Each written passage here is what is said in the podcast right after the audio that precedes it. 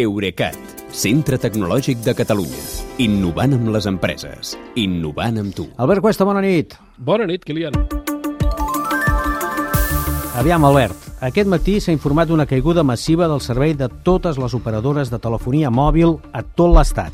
Uh -huh. Ja t'he vist a Twitter que deies d'això n'hem de parlar. Doncs ara és el moment de parlar-ne. Ja deies, si m'ho deixen fer el Catalunya Nit, i tant, el Catalunya Nit et deixem dir allò que tu dius perquè tu dius que ni ha estat ni massiva ni a tot l'Estat.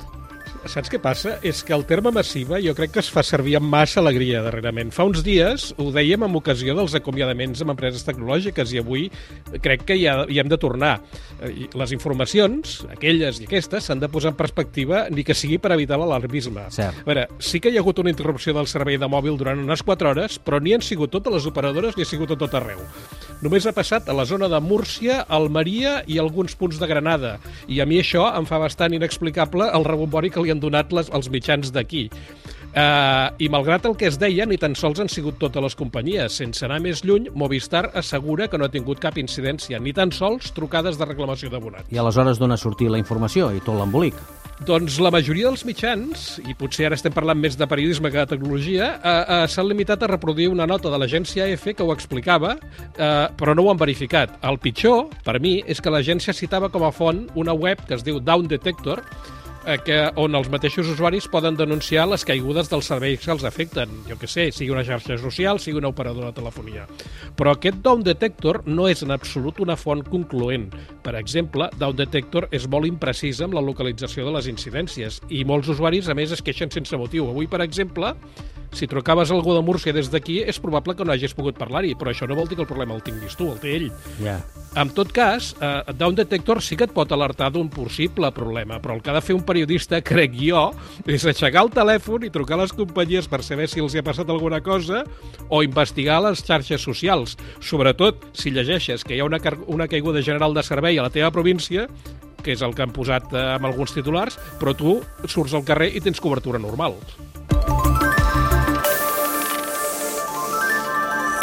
I tu no és només parlar el que fas, sinó fer-ho, eh? perquè tu has fet les dues coses, parlar amb les companyies i preguntar a Twitter. Què ha passat en realitat, finalment, per tant?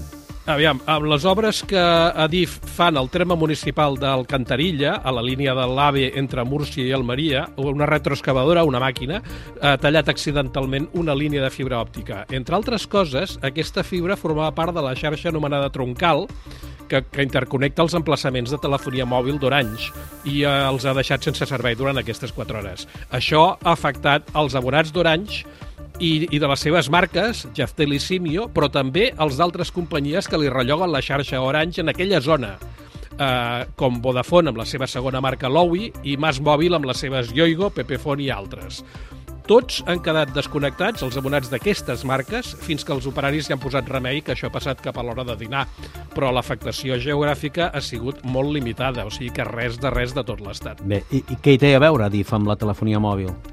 Això també val la pena explicar-ho. Mira, una xarxa de telecomunicacions és un monstre molt complicat i no hi ha cap companyia que arribi amb mitjans propis a tot arreu. El que fan és llogar-se capacitat entre elles i també eh, lloguen amb altres empreses que ja tenen desplegades xarxes pròpies per a les seves operacions i el que fan és eh, llogar la capacitat que els sobra. En aquest cas, la fibra troncal que s'ha tallat era de DIF, eh, molts dels viatgers de Rodalies la coneixeu, són aquells tubs de colors que hi ha al costat de la via quan aneu amb Rodalies. Mm. Però aquesta xarxa la, la gestiona una empresa que es diu Reintel, que són les sigles de Red Elèctrica Infraestructures de Comunicaciones, que és propietat de la mateixa red elèctrica i del fons d'internacionals KKR i que a més de comercialitzar l'excedent de capacitat de la xarxa interna de red elèctrica, que la que connecta les seves subestacions elèctriques, també ho fa amb l'excedent de la xarxa d'Adif.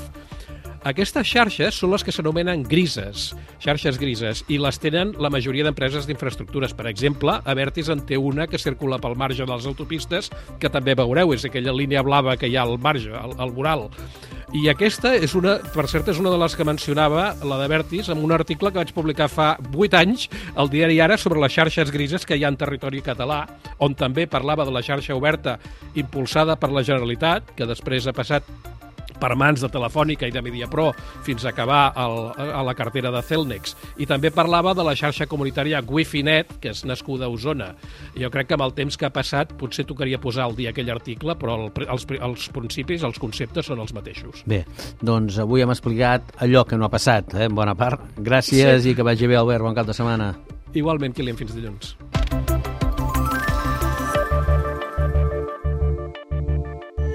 Eurecat, centre tecnològic de Catalunya. Innovant amb les empreses. Innovant amb tu.